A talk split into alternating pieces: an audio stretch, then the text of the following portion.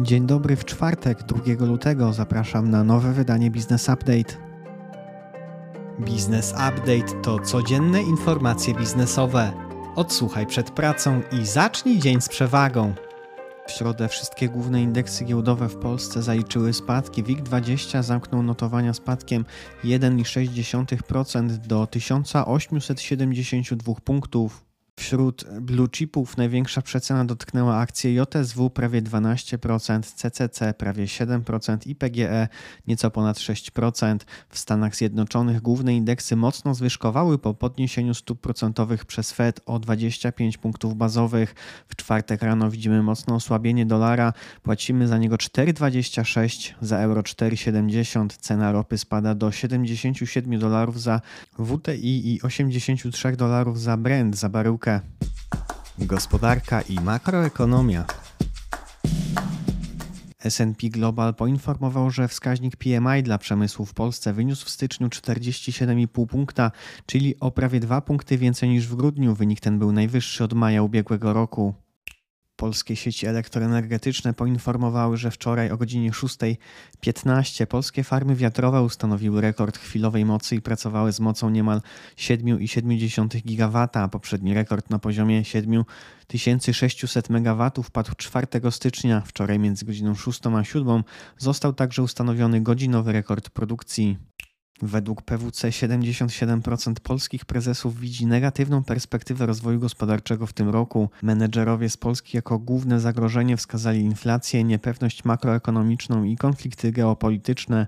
Głównymi zagrożeniami dla rentowności firm w Polsce jest niedobór siły roboczej i jej kwalifikacji oraz koszty transformacji energetycznej i nowych źródeł dostaw. W zeszłym roku Polska przyjęła ponad 355 tysięcy migrantów zarobkowych, z których 92% było spoza Europy, 83% z nich to mężczyźni, najwięcej pochodziło z Indii, Uzbekistanu, Turcji i Filipin. Wiadomości z Unii Europejskiej według danych niemieckiego Urzędu Statystycznego Stany Zjednoczone pozostają głównym kierunkiem eksportu dla niemieckiej gospodarki. W ubiegłym roku eksport towarów z Niemiec do Stanów osiągnął wartość 156 miliardów euro, co oznacza wzrost o 27% rok do roku. Według badania EBC popyt na kredyty w strefie euro spada, ponieważ gospodarstwa domowe i przedsiębiorstwa borykają się z wyższymi kosztami kredytu i słabymi perspektywami gospodarczymi. Banki spodziewają się utrzymania tego trendu w pierwszym kwartale tego roku. Co więcej, banki wykazują mniejszy apetyt na ryzyko w obliczu niepewnych perspektyw gospodarczych. W przypadku firm odnotowano największe zaostrzenie warunków finansowania od czasu kryzysu zadłużenia w strefie euro w 2011 roku. Około 1 200 tysięcy Francuzów we wtorek protestowało przeciwko reformie emerytalnej i podnoszeniu wieku emerytalnego z 62 na 64 lata. Według organizatorów było to nawet 2 miliony 800 tysięcy protestujących. Wiadomości ze świata amerykańska rezerwa federalna podniosła zgodnie z oczekiwaniami stopy procentowe o 25 punktów bazowych do przedziału od 4,5 do 4,75%. Szef Fed poinformował, że inflacja złagodniała, jednak będą konieczne kolejne podwyżki stóp procentowych, aby przywrócić ją do celu na poziomie 2%. Liczba firm bankrutujących w Wielkiej Brytanii osiągnęła najwyższy poziom od czasu kryzysu finansowego w 2009 roku, co jest następstwem rosnących kosztów działalności wywołanych inflacją i rosnącymi stopami procentowymi. Międzynarodowy Fundusz Walutowy ocenił, że Wielka Brytania jest jedyną wiodącą gospodarką, która prawdopodobnie wpadnie w tym roku w recesję. Wydatki gospodarstw domowych maleją w tym kraju pod ciężarem wysokich cen energii, rosnących kosztów kredytów i zwiększonych podatków. Według przewidywań MFW brytyjska gospodarka skurczy się o 0,5% w tym roku. Światowa Rada Złota podała, że banki centralne zwiększyły w ubiegłym roku swoje zapasy złota aż o 1136 ton o wartości około 70 miliardów dolarów, najwięcej od 1967 roku. Od kryzysu w latach 2008-2009 rosną zakupy złota przez banki gospodarek rozwijających się głównie takich jak Rosja, Turcja i Indie. 1 lutego Bank Centralny Libanu zdewaluował funta libańskiego o 90%. Ujednolicenie kursów walutowych jest jednym z kluczowych warunków wstępnych Międzynarodowego Funduszu Walutowego do odblokowania kredytu w wysokości 3 miliardów dolarów, postrzeganego jako jedyny sposób, aby kraj zaczął wychodzić z kryzysu i przywrócić zaufanie do systemu finansowego. Informacje biznesowe. Firma Chibo prowadzi w Polsce 62 sklepy, o 10 więcej niż przed pandemią. Jak powiedział dyrektor finansowy, Chibo otwiera głównie mniejsze sklepy z kącikiem kawowym w miejscowościach średniej wielkości. Takie lokale generują lepsze wyniki niż te zlokalizowane w dużych galeriach handlowych, które zostały osłabione w czasie pandemii. Firma nie planuje redukować zatrudnienia i liczby swoich placówek. Według danych opublikowanych przez IKEA największym dostawcą drewna dla koncernu jest Polska i odpowiada za 28% dostaw, Litwa odpowiada za 10%, a Szwecja za 9%. Prezes Orlenu poinformował, że do 2038 roku koncern planuje zbudować 79 reaktorów SMR, a ich lokalizacje zostaną przedstawione w kwietniu. Grupa Azoty obniża ceny nawozów o od 20 do 30% od 1 lutego w konsekwencji obniżenia cen surowców. Wiadomości z Unii Europejskiej amerykański bank JP Morgan planuje pod koniec przyszłego roku lub na początku 2025 roku uruchomić w Niemczech cyfrowy bank. JP Morgan po raz pierwszy wyszedł z bankowością detaliczną poza Stany Zjednoczone w 2021 roku, otwierając cyfrowy bank w Wielkiej Brytanii.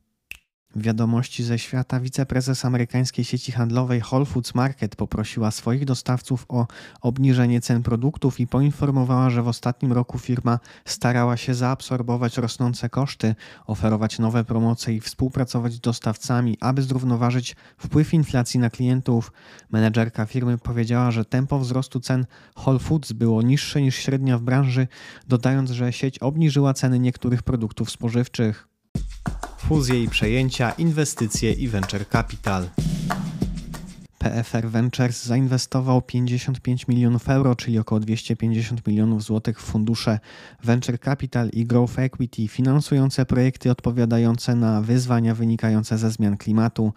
Z końcem zeszłego roku PFR Ventures podpisało umowy z czterema funduszami: Contrarian Ventures, Euraseo, Beyond Net Zero i z polskim Montis Capital.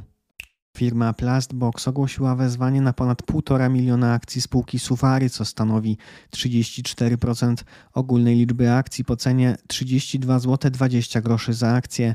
W przypadku powodzenia wezwania udział spółki Plastbox w akcjonariacie Suwar wzrośnie do 100%. Na wczorajszej sesji cena akcji zamknęła się na poziomie 33 zł 60 groszy. Kapitalizacja spółki na giełdzie to około 155 milionów złotych. 31 stycznia Generali podpisało umowę dotyczącą przejęcia zarządzania NN Life Powszechne Towarzystwo Emerytalne od Grupy Nacjonalnej Nederlanden. Jest to następstwo m.in. zgody na przejęcie zarządzania otrzymanej od KNF w poniedziałek 27 stycznia. W wyniku transakcji Generali zajmie czwartą pozycję na rynku OFE pod względem wartości aktywów na poziomie 20 miliardów złotych z prawie 13% udziałem w rynku. Grupa Play zawarła umowę dotyczącą nabycia akcji operatora sieci światłowodowych Sferanet z siedzibą w Bielsku Białej, który dysponuje siecią długości około 1300 km.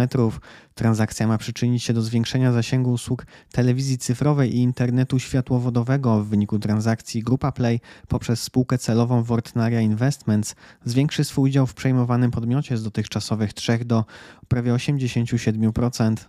Pochodząca z Goleszowa na Śląsku firma Eltrex, dystrybutor opakowań przemysłowych i surowców chemicznych, została przejęta przez dostawcę tworzyw sztucznych Telco, kontrolowanego przez fińską grupę ASPO. Zarząd Telco Chemical zwiąże duże nadzieje w związku z wejściem jego firmy na polski rynek chemiczny. Eltrex generował przychody na poziomie 8 milionów euro i około 1 miliona euro zysku operacyjnego rocznie. Walne Zgromadzenie Producenta Gier PCF Group ma 28 lutego głosować nad planem emisji ponad 5 milionów 800 tysięcy akcji, co ma przynieść spółce od 205 do 295 milionów złotych na realizację planów strategicznych na lata 23-27. Grupa planuje m.in. zwiększenie zespołów produkcyjnych i działanie w modelu self-publishingu zamiast współpracowania z wydawcami. Wiadomości ze świata. Norweski Fundusz Majątkowy, jeden z największych inwestorów na świecie, odnotował w minionym roku rekordową stratę w wysokości około 164,5 miliarda dolarów, przerywając trzyletnią pasę rosnącego zwrotu. Największe pojedyncze straty wynikały z przyceny posiadanych pakietów akcji spółki Amazon, Meta Platforms i Tesla. Mimo negatywnej stopy zwrotu wartość funduszu wzrosła w ujęciu rok do roku o około 8 miliardów 900 milionów dolarów za sprawą osłabienia korony norweskiej Europejskiej i rekordowych wpływów pieniężnych w wysokości biliona 100 miliardów koron. Aktywa funduszu są rozlokowane w około 9 tysiącach firm w 70 krajach. Prawo i podatki. CBA zatrzymało Rafała Baniaka, szefa pracodawców RP, byłego wiceministra skarbu oraz trzy inne osoby. Zatrzymano uważa się za osobę niewinną, jest podejrzany o korupcję w miejskim przedsiębiorstwie oczyszczania miasta Warszawy. Prezes Łokik wszczął postępowanie przeciwko Amazon.pl. Łokik zarzuca firmie wprowadzanie konsumentów w błąd co do momentu zawarcia umowy sprzedaży, dostępności produktów, terminów dostaw i uprawnień konsumentów. Jeśli zarzuty się potwierdzą, spółce grozi kara do 10% obrotu. Prezes UOKiK wszczął również postępowanie wyjaśniające wobec spółki Stal Export Autostrada Małopolska odnośnie podwyżek opłat za przejazd autostradą A4 na odcinku Katowice-Kraków. UOKiK chce sprawdzić m.in. jaka była przyczyna dokonywanej podwyżki i jak przedsiębiorca o dominującej pozycji, pozycji w zakresie zarządzania odcinkiem drogi ustalał ceny w przeszłości i obecnie.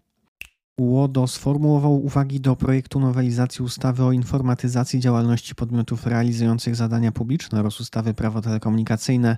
W myśl nowego prawa m.in. organy administracji rządowej, sądy i samorządy będą, będą mogły wysyłać nieodpłatne SMS-y do obywateli. Urząd wątpliwości poddaje m.in. domyślne i niełatwe do usunięcia komunikaty oraz niejasne cele nadawania wiadomości. W rezultacie nowe przepisy mogą być niezgodne z regulacjami RODO. Naczelny Sąd Administracyjny w wyroku ocenił, że zatrudniony nie powinien płacić więcej podatku z powodu błędu płatnika. Uznano, że uregulowanie przez firmę zaległe składki ZUS nie są przychodem pracownika, bo nie uzyskują z tego tytułu żadnego przysporzenia. Jest to kolejny wyrok zgodny z dotychczasową linią orzecznictwa sądów kasacyjnych.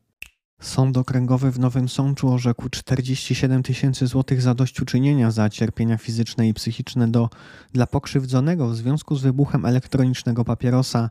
Orzeczoną kwotę ma zapłacić spółka zarządzająca siecią dystrybucji i sprzedaży papierosów. Wyrok jest nieprawomocny, odwołały się od niego obie strony sporu. Ministerstwo Finansów rozważa wprowadzenie zmian do projektu nowelizacji wprowadzającej krajowy system faktur. Planowane modyfikacje to odroczenie wprowadzenia obowiązku przesyłania faktur przez KSEF z 1 stycznia na 1 lipca 2024 oraz odstąpienie od obowiązku wystawiania faktur w systemie dla konsumentów. Ministerstwo Klimatu i Środowiska zaprzeczyło, jakoby prowadziło pracę nad wprowadzeniem podatku od nadmiarowych zysków od branży naftowej i węglowej. Takie stanowisko ministerstwo zabrało po tym, jak portal Wysokie Napięcie poinformował, że rozpoczęły się nieoficjalne konsultacje z przedstawicielami branży w sprawie ewentualnego wprowadzania nowych przepisów podatkowych. Komitet Standardów Rachunkowości opublikował rekomendacje pomocne w sporządzaniu sprawozdań finansowych oraz z działalności za 2022 rok. Materiały udostępniono na stronie internetowej Ministerstwa Finansów. Wiadomości rynkowe. Jak wynika z danych Nielsen IQ, wartość rynku kawy w Polsce wzrosła w ubiegłym roku o 22% do 4 miliardów 750 milionów złotych. Największą kategorią, która odpowiadała za 44% segmentu była kawa mielona. Kolejne miejsca zajęły kawy instant 33%, ziarnista 21% oraz kawa w kapsułkach 2%. Polski Związek Faktorów poinformował, że w zeszłym roku obroty firm faktoringowych wzrosły o 27% do 461 miliardów złotych. Z usług podmiotów należących do związku korzysta prawie 25 tysięcy firm, które wystawiły 24 miliony faktur, które były podstawą do udzielenia finansowania przez faktorów. Jak wynika z analizy serwisu Get Home, w ubiegłym roku 73% transakcji zakupu mieszkań została zawartych w celach inwestycyjnych lub pod wynajem. Koszt czynszów wzrósł w ubiegłym roku średnio o 30%. Największe dynamiki wzrostu odnotowano w Krakowie 42%, w Katowicach 37% i Poznaniu 33%. To już wszystkie informacje w dzisiejszym wydaniu podcastu. Nieco więcej informacji w wersji tekstowej w newsletterze, na który można zapisać się na businessupdate.pl. Jeżeli serwis jest pomocny, będziemy wdzięczni za polecanie go. Ja życzę Państwu owocnego czwartku i do usłyszenia jutro.